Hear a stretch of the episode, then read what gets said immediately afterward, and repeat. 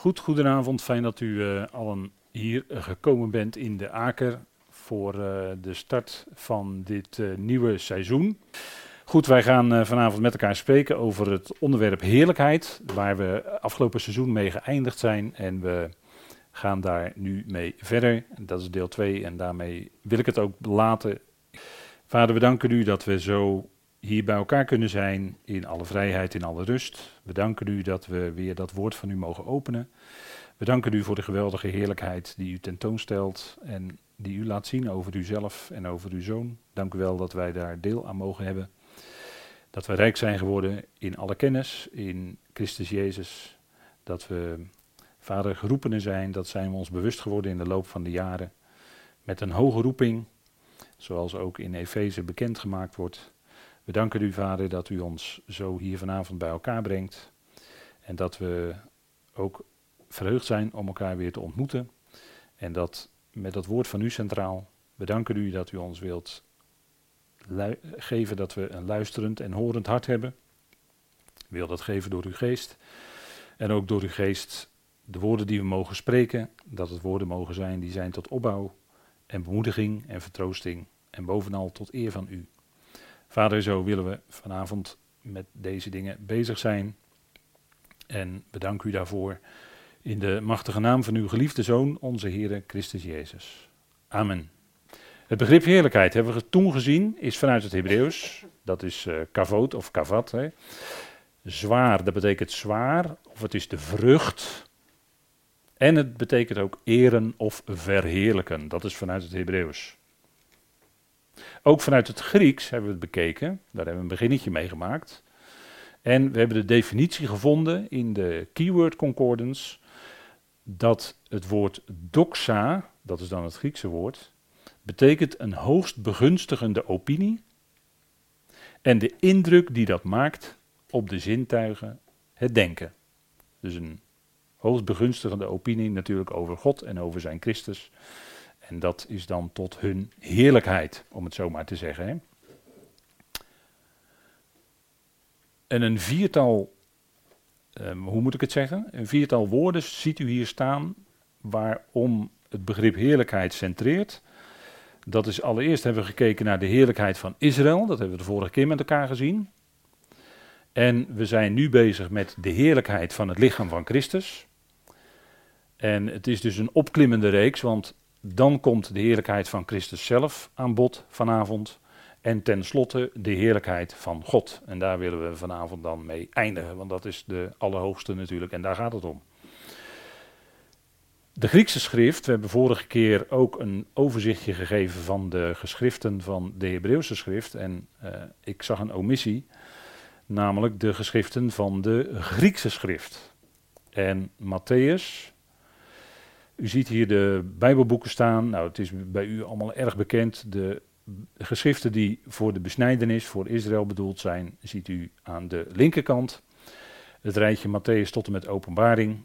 En ik heb daar even tussenin gezet Hebreeën, omdat de Hebreeënbrief is een tussen, zou je kunnen zeggen, dat hangt daar een beetje tussenin. En dan natuurlijk de brieven van Paulus aan de rechterkant als de onthullingen die voor ons eh, specifiek als lichaam van Christus bedoeld zijn. Hè. Zo is de schrift opgebouwd.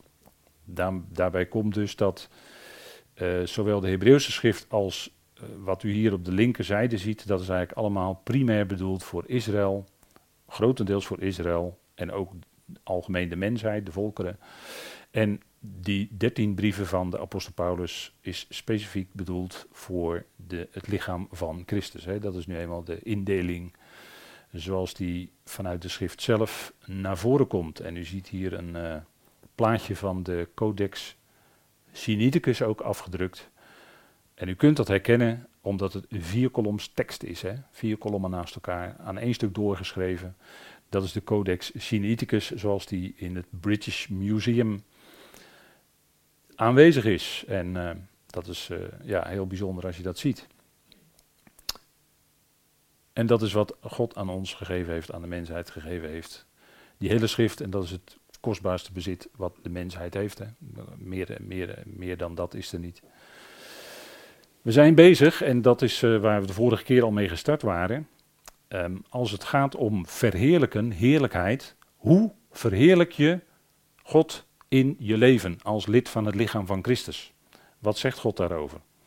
En de vorige keer zijn we geëindigd bij de vrucht van de geest. Als de vrucht van de geest in ons en door ons zichtbaar wordt, dan is dat tot eer en verheerlijking van God. En dat is dan, uh, ja, u kent die begrippen natuurlijk allemaal. Liefde, vreugde, vrede, dat zou je kunnen zeggen, dat is rechtstreeks naar God toe gericht. En dan de begrippen geduld, zachtmoedigheid, langmoedigheid. En, uh, ga toch maar even, ik ga toch maar even spieken, denk ik.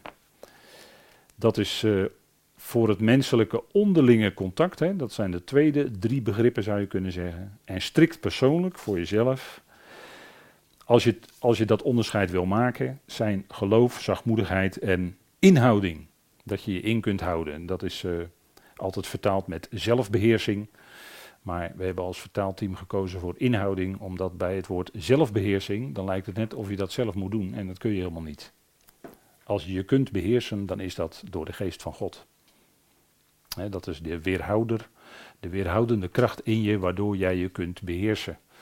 En waarom jij je niet van alles uitflapt als je dat misschien wel zou willen, omdat je verontwaardigd bent of boos bent of wat dan ook. En, uh, maar je flapt toch niet van alles uit, je kunt je beheersen. Dan is dat omdat de geest van God in je werkt. Dat heb je niet van jezelf. En dat is natuurlijk ook zo met geduld, hè? ook zo moeilijk voor ons.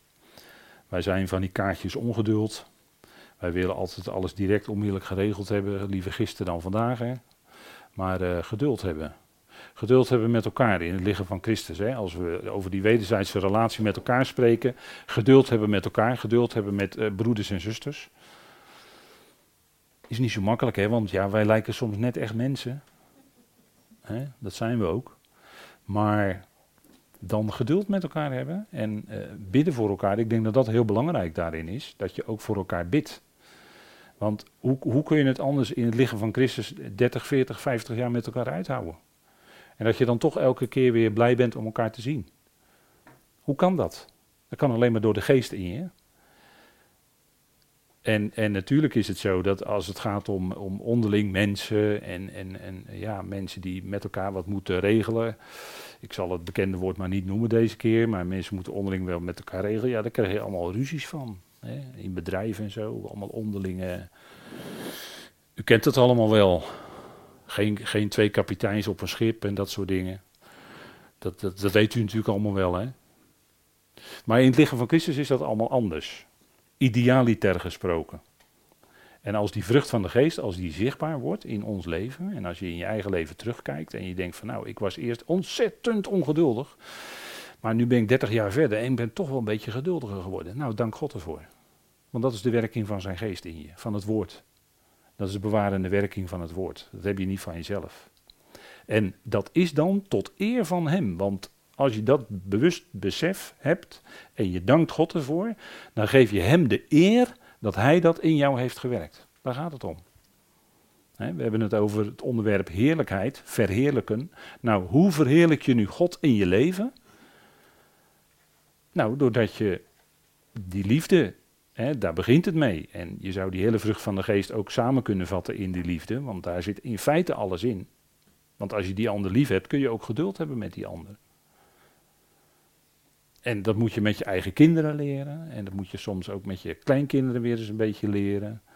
Om geduld ermee te hebben. En om ze, ja, om. om uh, en God gaat met ieder kind een weg, dat, dat weten we maar al te goed.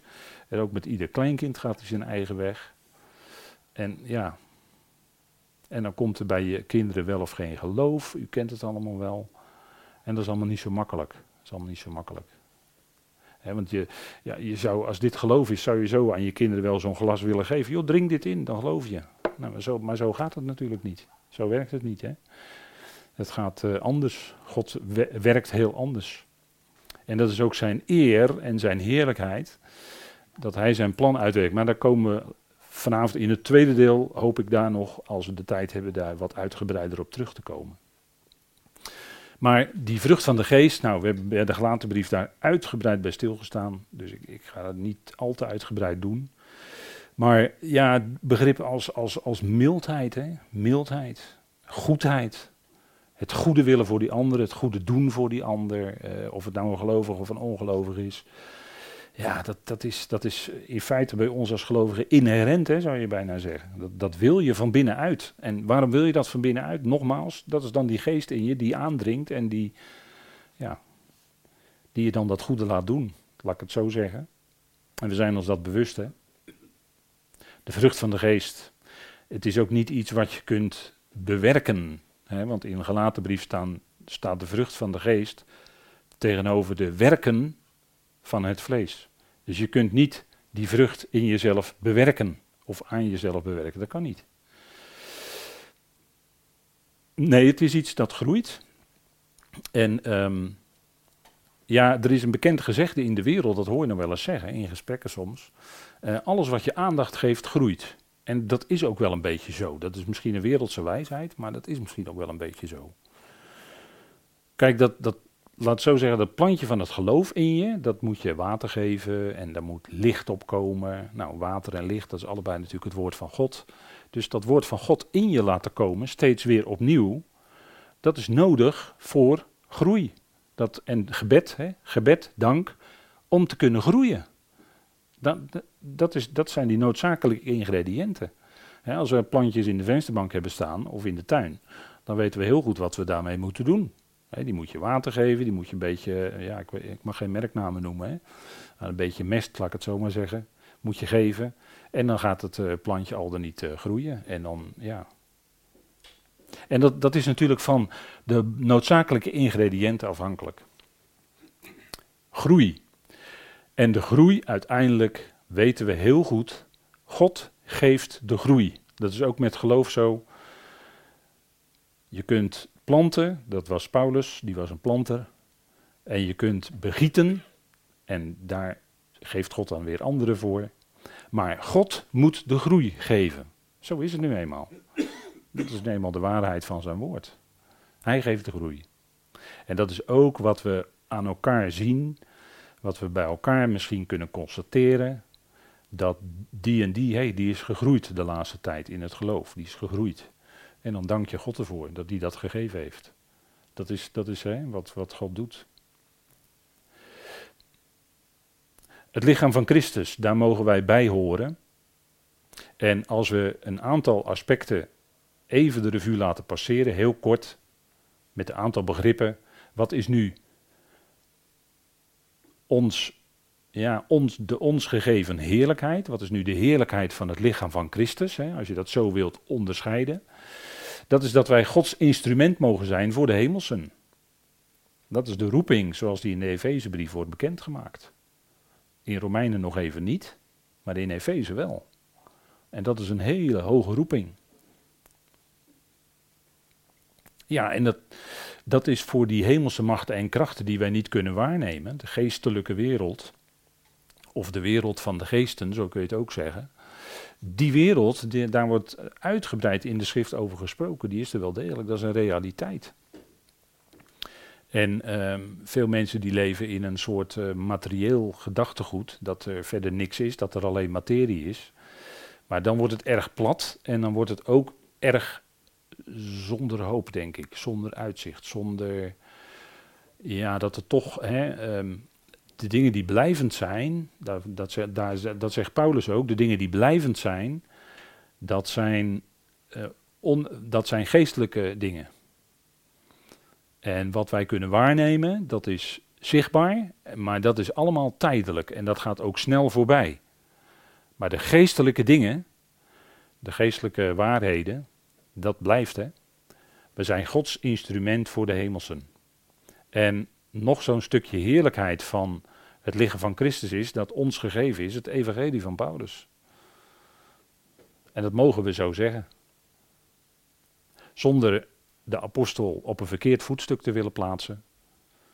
Maar als Paulus zelf zegt in zijn brief, het is mijn evangelie, drie keer zegt hij dat, dan mogen we toch wel spreken over het evangelie van Paulus, denk ik. Want dat staat echt zo letterlijk in de schrift. Hij heeft het over mijn evangelie. Hij mocht dat zeggen. Als apostel zijnde, hè? als uh, Nederlandse woord is dan afgevaardigde, maar het woord apostel is zo voor ons bekend, dat is gewoon een Nederlands begrip geworden. Dus dat handhaven we gewoon. Dan onderschikking, dat is ook een stukje heerlijkheid van het lichaam van Christus. Dat, je, dat wij ons nu al, ja, als, als een van de eersten zou ik bijna willen zeggen, ons onderschikken aan God. Ons onderschikken aan Christus. En dat ook onderschikking functioneert in het lichaam van Christus. Dat we ons onderschikken aan degenen die boven ons gesteld zijn. En dan denk ik ook aan de overheid.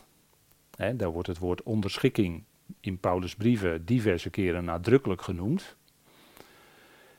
En dat is een stukje heerlijkheid, want dat is in wezen voor ons sowieso als schepselen ten opzichte van de schepper de normale positie. Dat wij ons onderschikken aan God. En er zit natuurlijk een heleboel dwars.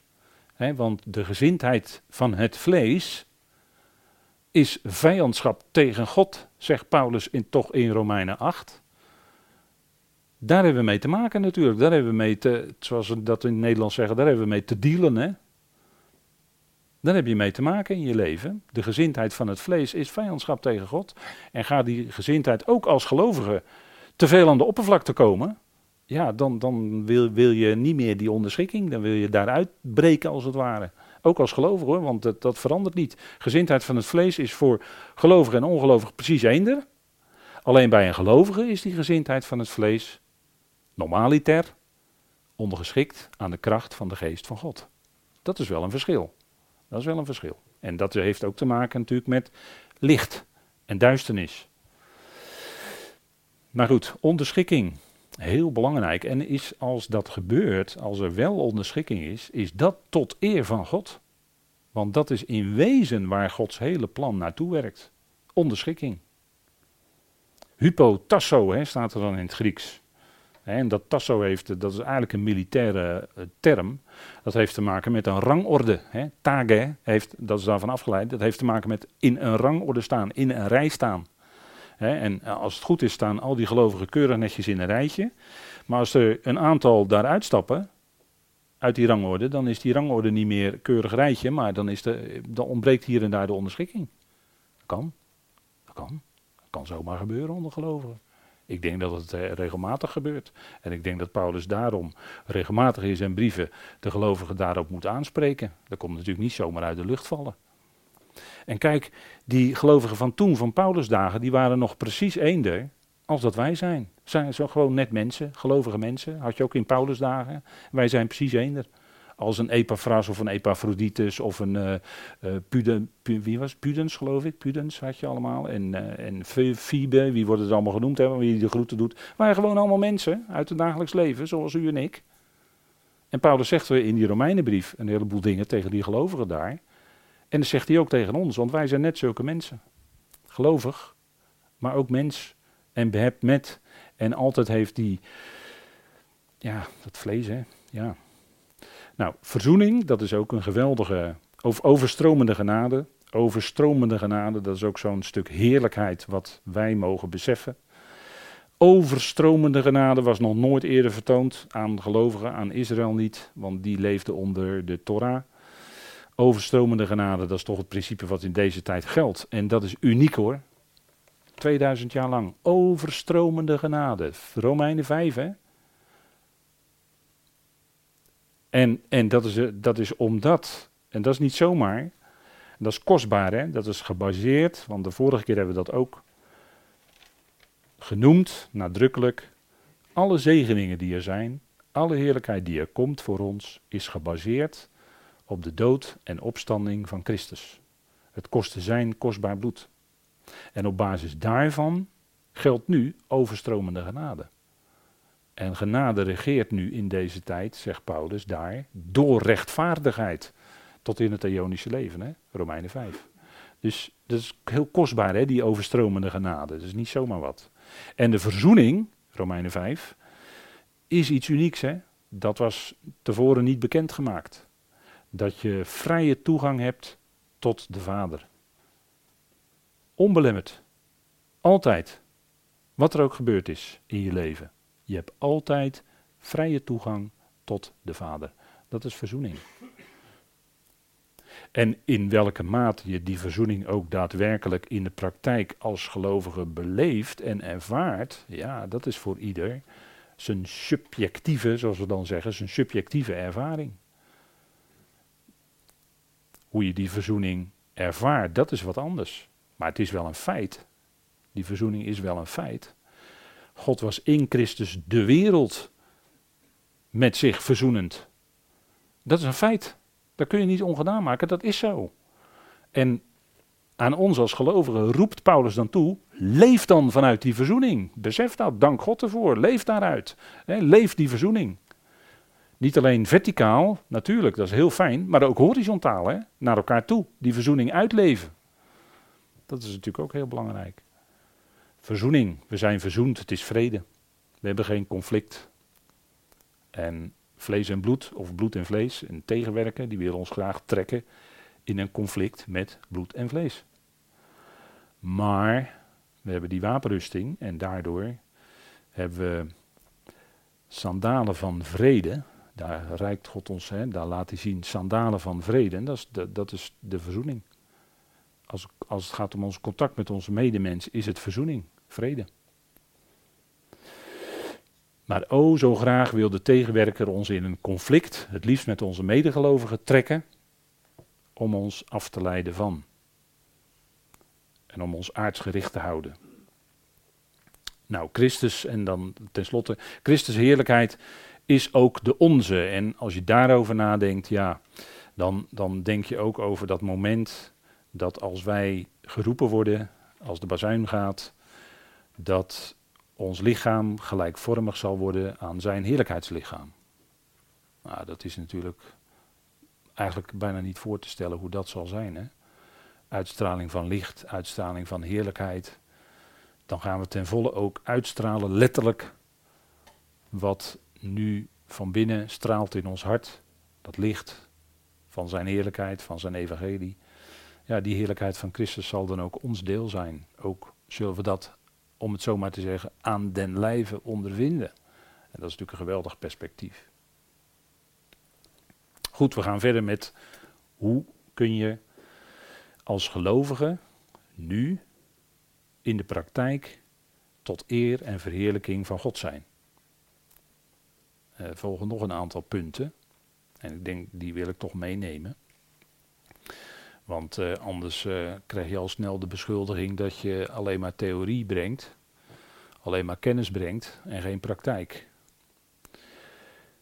Accepteren van zwakheden en verdrukkingen en leven in vasthouden aan onze heerlijke verwachting. Kun je dat?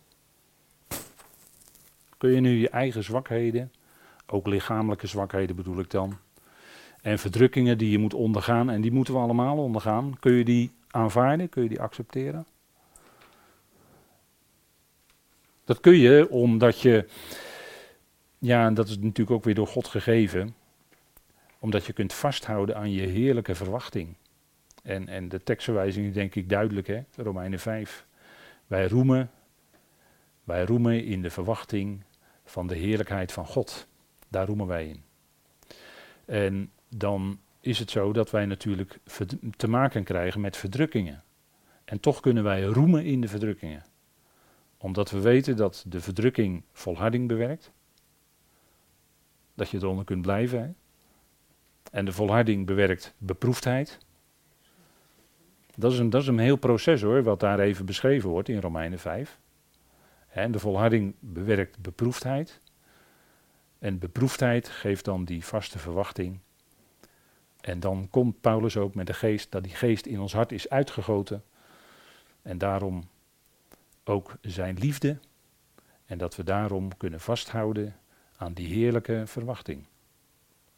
Ja, vandaag is het pijn. Morgen is het ook lijden. Overmorgen zijn er ook weer verdrukkingen. Dat is niet makkelijk. Die weg naar heerlijkheid toe is niet gemakkelijk maar gaat door lijden en verdrukkingen heen. Dat is de praktijk. En als wij in die omstandigheden zijn, van soms heftig lijden en verdrukkingen, en wij kunnen toch die zwakheden accepteren uit Gods hand, dan is dat tot eer van God. Als je daarin als gelovige dat toch in rust en vrede kunt ondergaan, hoe moeilijk het ook is en hoe pijnlijk het ook is. En dat je in je binnenkamer best wel eens auw zegt. Ja, zeker. God hoort dat ook. En dat was ook zo in het leven van Jozef hebben we gezien. Die ook heel wat lijden overkwam. Maar er kwam geen klacht over zijn lippen. Alleen sprak hij aan, op een gegeven moment wel over de moeiten die hij had doorgemaakt, zei hij heel even. Dat is wat opgetekend is uit zijn mond dan. Maar Jozef, die als geweldig type van de Heer Jezus Christus was, die ook een hele lijdensweg onderging, maar er kwam geen klacht over zijn lippen. Dat is een voorbeeld. Hè? Die, die dingen zijn ons tot voorbeelden opgeschreven, opdat we door de volharding en de vertroosting van de schriften de vaste verwachting zouden hebben, zegt Paulus in Romeinen 15. Dat zegt hij natuurlijk niet voor niks. Dus die weg die God met ons gaat, die met een ieder van ons persoonlijk gaat, ja, dat is helemaal geen, geen makkelijke weg. Dat is, God heeft niet van tevoren gezegd van, als je gelovig wordt, dan zullen er geen dorens en distels op je weg komen.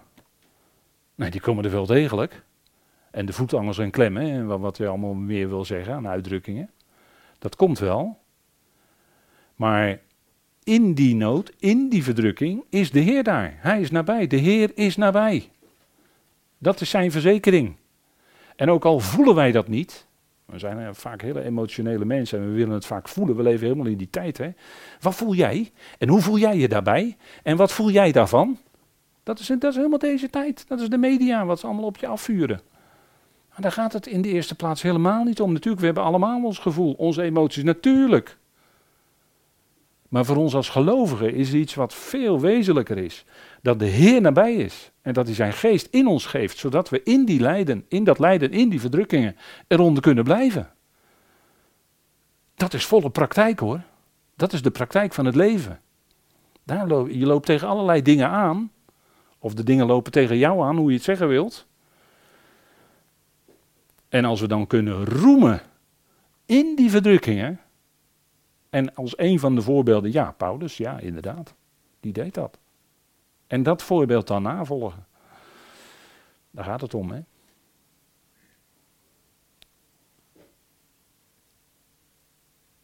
Kijk, en wat daarbij aansluit is, is uh, ja, ik heb het maar een cijfertje gegeven, punt 6 dan. God te allen tijden danken door Christus. Dankt God, zegt Paulus. Uh, u kent die teksten wel natuurlijk, we zingen het ook. 1 Thessalonicense 5 vers 18, dankt, dankt, dankt te allen tijden, is natuurlijk dankt God te allen tijden. Wacht even, te allen tijden? Ja, dus en we hadden het net over dorens en distels. Ja, ook dan. Ook dan God danken. Uh, als je geen succes hebt, de Heer Jezus dankte zijn vader toch toen zijn bediening in feite mislukte, naar de mens gesproken, toen dankte hij vader toch dat hij deze dingen voor wijze en verstandigen verborgen had, maar aan kinderen onthulde.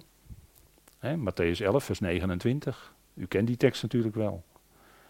Maar dat is een geweldig voorbeeld dat hij dankte op dat moment dat het helemaal niet goed ging in zijn bediening. En dan toch vader danken, ja, toch vader danken, ja. Want hij besefte dat vader de, die dingen die hij sprak verborgen had voor de wijze en verstandigen van zijn volk, ja, van die dagen van zijn volk. De wijzen, de orthodoxen, die hem verwierpen. Hè? Zijn eigen volk notabene. Vijandschap. Dat is niet makkelijk. Hè? Dat is niet makkelijk. Als je, hè, om het maar even te herhalen, wat, wat zondag toch even ook naar voren kwam tijdens het spreken als je vijandschap ondervindt van broeders, dat, dat kan gebeuren. Kan gebeuren. gebeurde, gebeurde Paulus, weet, wist daar alles van. Die was, was in, eh, in uh, die landstreek Galatië was die niet meer welkom in die gemeentes. Gelaten brief, lees het maar na. Wie heeft jullie betoverd? Vijandschap, afwijzing, de apostel, vijandschap van broeders. Gebeurt hoor. En dan toch God danken. Hè. Het staat hier God te allen tijden danken, want dat is ook Filippenzen 4. En uh, iemand noemde dat in een, uh, als, als kop boven een studietje de volkomen raadgeving. Hè, de raadgeving van de volkomenheid. Nou, dat is het ook natuurlijk, Filippenzen 4. Hè, dat we alles onder gebed en smeking met dank, met dank bij God bekend mogen maken. En het is zo paradoxaal wat Paulus dan schrijft hè, daar, als het gaat over uh, nood, lijden, verdrukkingen, stekels, noem alles maar op. Laat jullie inschikkelijkheid bij alle mensen bekend worden. De Heer is nabij. Dat is de verzekering die we krijgen. Hè? De Heer is nabij. En dan zegt hij: wees in niets bezorgd. Wees in niets bezorgd. Dat, dat is zo tegenstrijdig aan hoe wij mensen in elkaar vaak zitten. We maken ons zorgen om zus, we maken ons zorgen om die, we maken ons zorgen om de gemeente, we maken ons zorgen daarom, we maken ons zorgen daarom. Paulus zegt, wees in niets bezorgd. En hoe kan hij dat dan zeggen? Terwijl heel veel op dat moment, om het zo maar te zeggen, op zijn nek lag. En hij had zich alle reden om zich zorgen te maken. Maar hij zegt, laat in alles jullie verzoeken, door gebed en door smeekbeden, met dank, zegging, bekendgemaakt worden bij God. En dan is het resultaat dat die vrede van God, die al het denken te boven gaat, zal jullie harten en jullie gedachten verzekerd bewaren in Christus Jezus. Dat verzekerd bewaren, dat is een heel mooi woord. Er staat er, eh, dat heeft te maken met een vesting. Dat heeft te maken met een vestingstad. In die tijd waren de steden ommuurd. En uh, dat, was dat waren dan vestingen zodat de, de, de vijand dan niet binnen kon eh, marcheren, zeg maar. Nou, dat, dat beeld gebruikt Paulus hier. Die vrede van God, dat is dan als het ware een, een, een zekerheid in je hart en, en werkt dan als, als een muur, zou je kunnen zeggen. Zodat jouw gedachten niet met jou op de loop gaan, want oh, oh, dat denken, hè. oh, oh, dat denken. Dat is zo vaak in, in een draaikolk naar beneden gericht. Van ons mensen. Pessimistisch, het gaat niet goed. En, en dan gaan we heel, heel snel doorredeneren. We zien iets niet, in onze ogen iets niet goed gaan. Dan gaan we heel snel doorredeneren. En voor je het weet zit je in je denkcirkeltje naar beneden. Hè? Maar Paulus geeft hier ons de, juist de, de, de volkomen raadgeving die wij, uh, die wij kunnen opvolgen. Je wensen door gebed en smeking met dank. Met dank, waarom kon, kun je ook danken? Omdat je weet dat God alles uitwerkt tot wat goed is. Dat is de reden. God zit in feite, hè, dat, dat was het geheim zou je kunnen zeggen van de apostel Paulus. God zit achter al die gebeurtenissen, groot en klein, groot en gedetailleerd ook in ons persoonlijk leven, dus ook op microniveau. Ik heb het niet alleen over macroniveau, maar overal zit God achter, ten diepste, en werkt Hij het uit. En als je dat besef hebt, dan vind je daarin de vrede. En dat is een kwestie van overgave. Dat is een kwestie van de dingen kunnen overgeven aan God. En vaak wordt er ook gezegd, je, ja, je brengt ze bij God en laat ze daar ook. Ga niet twee minuten later alweer met je denken verder over datzelfde wat je net bij God hebt gebracht. Laat ze daar ook bij God. Dat is heel belangrijk. Hè? Nou, Filippenzen, God te allen tijden danken door Christus. En dat is als we dat doen als gelovigen. En we hebben daarin volle vrede, dan is dat tot eer van God. Want God werkt dat dan zo uit in ons leven.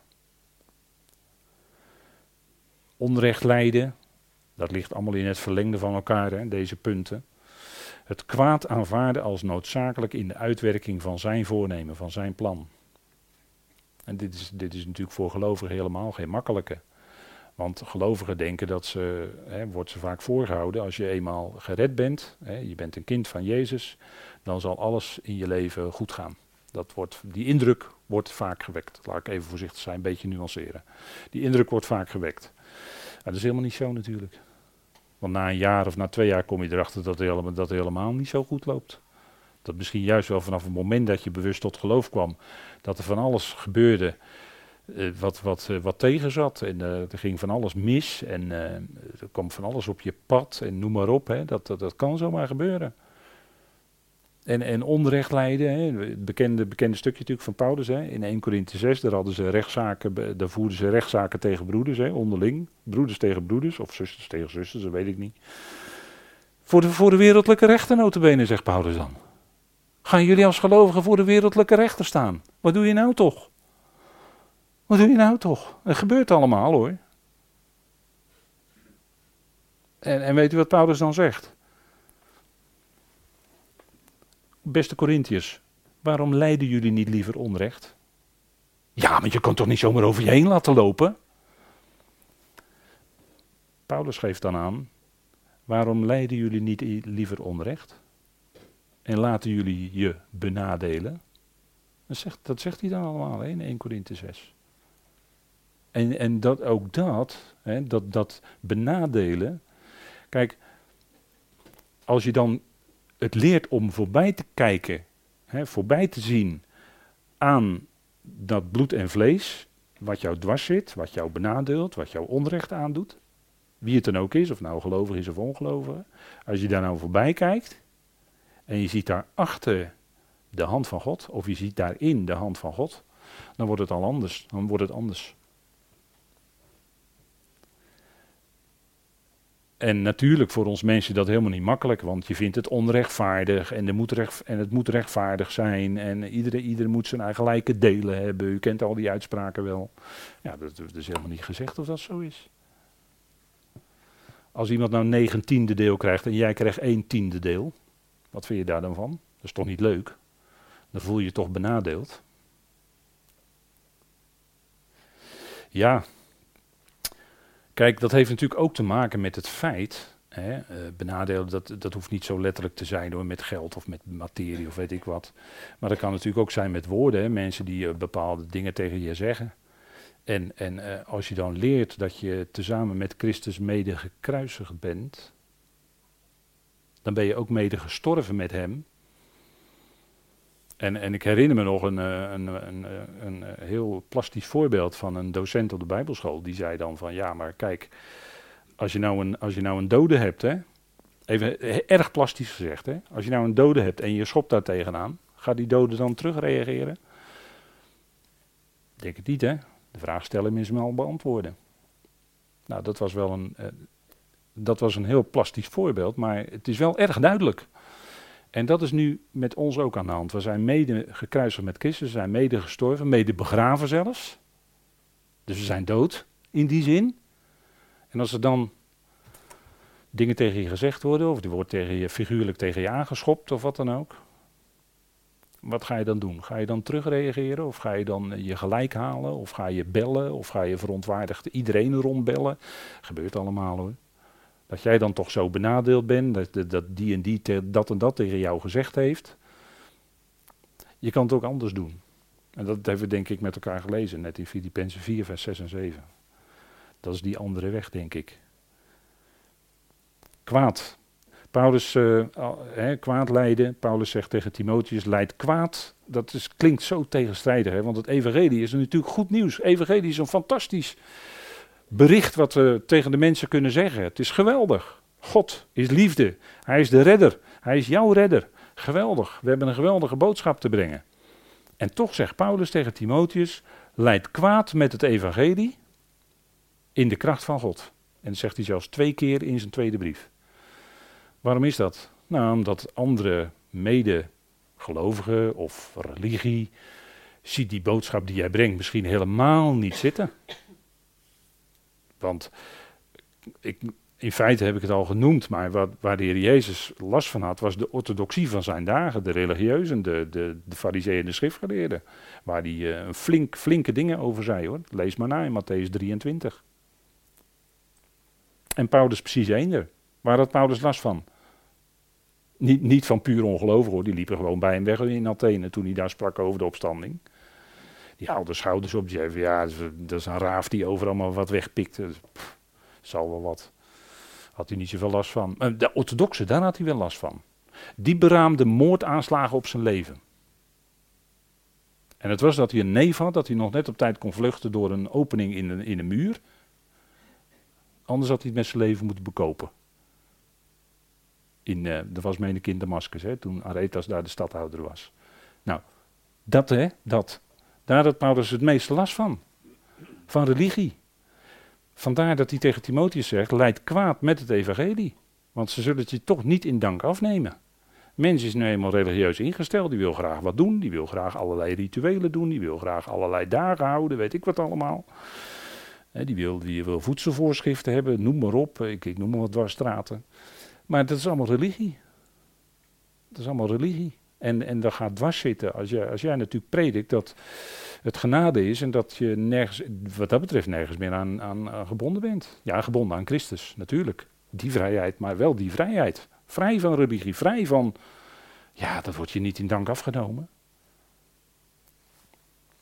Het kwaad aanvaarden. En aan God onderschikken. In feite hebben we het door het woord onderschikking al even genoemd. Hè? Maar in je leven steeds meer aan God onderschikken. In de loop van de tijd ga je steeds meer niet alleen kennis krijgen van God, maar als het goed is, stapje voor stapje gaan we ook groeien, daar bidt Paulus ook voor, in de erkenning van God. Niet alleen van zijn wil, maar ook van God. Dat wil zeggen dat hij de plaatser is en dat hij je die plaats aanwijst waar je bent in je leven. En dat hij dat in je leven plaatst, ook als plaatser, wat jou overkomt. Nu, vandaag, die plek waar je nu bent, dat is die plek waar God je nu hebben wil, vandaag, morgen. En dat accepteren, dat is aan God onderschikken.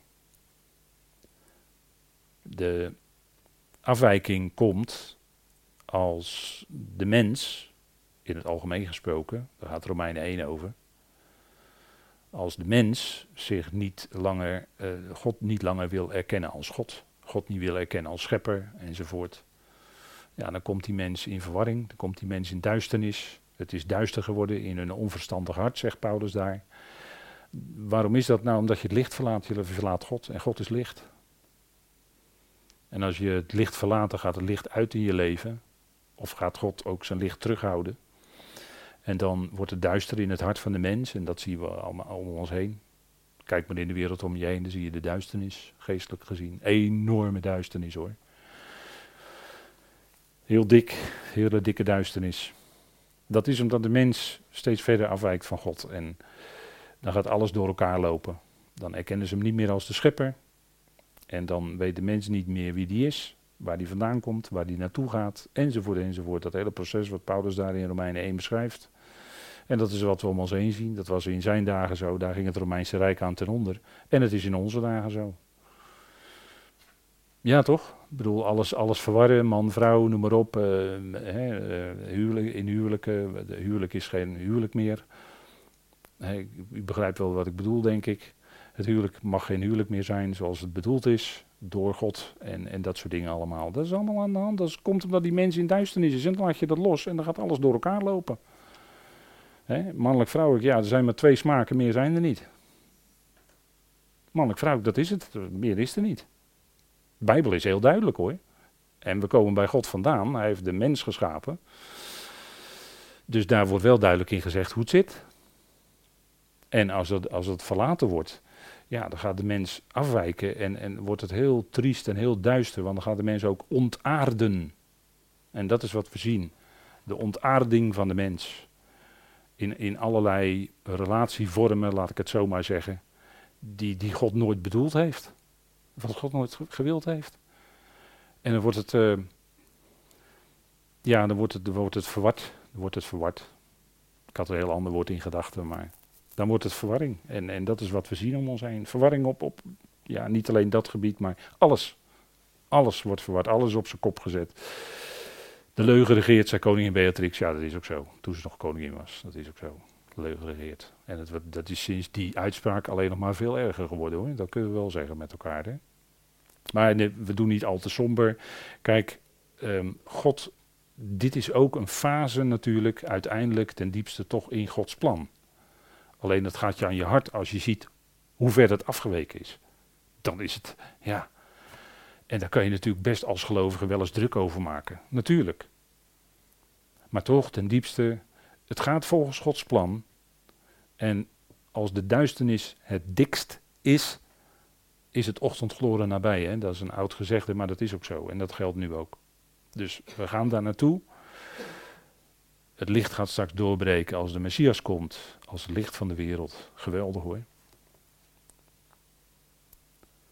En dan als laatste, en dan gaan we pauzeren. Want het is al uh, hoog tijd, zie ik. Dat is uh, waarmee wij God verheerlijken. Dat is Hem in alles erkennen.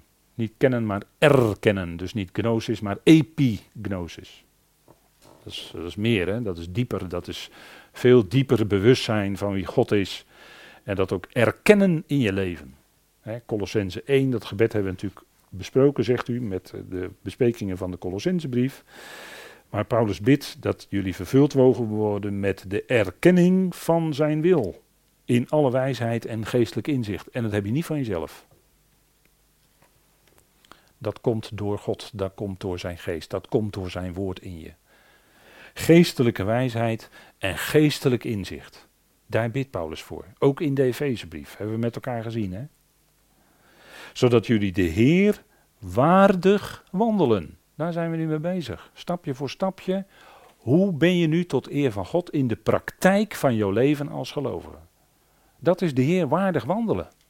in, in, al die facetten tot geheel zijn behagen, in alle goed werk vruchtdragend en groeiend in de erkenning van God. Wandelen in de goede werken die Hij tevoren gereed gemaakt heeft. Daar gaat het hier over natuurlijk. Hè? Dat zijn niet onze eigen bedachte werken of onze eigen bedachte dingen die wij willen bereiken of zo. Hè, doelen die wij willen bereiken. Nee, dat is het werk wat God ons geeft te doen. Wat God ons opdraagt. 1 Korinthe 15, vers 58. Het werk van de Heer. Daar gaat het om. Dat we betrokken zijn in het werk, in zijn werk. En er is zoveel, zoveel wat mensen zelf. Groeiend en dan groeiend uiteindelijk, dat is dan het resultaat, in de erkenning van God. De erkenning dat Hij werkelijk God is in alle aspecten van ons leven, alle facetten, klein en groot. Daar gaat het om. Hè? En dan geeft Hij de kracht, vers 11, tot alle volharding en geduld met vreugde. Geduld met vreugde. Dat is eigenlijk één uitdrukking hè, daar. Dat is uh, niet alleen geduld hebben. Zo in, inwendig zo, ja, ik heb wel geduld met die of die, maar oh, ondertussen. Nee, geduld met vreugde. Geduld met vreugde. Dat is, dat is anders, hè? Dan, dan probeer je niet zelf, nee, dan is het God die met zijn genade in je werkt. En dat je de ander ook kunt aanzien in Christus. In genade. Altijd als je elkaar ontmoet. En dat is dan ook onze vreugde. Nou, gaan we daarmee even mee pauzeren met die gedachten.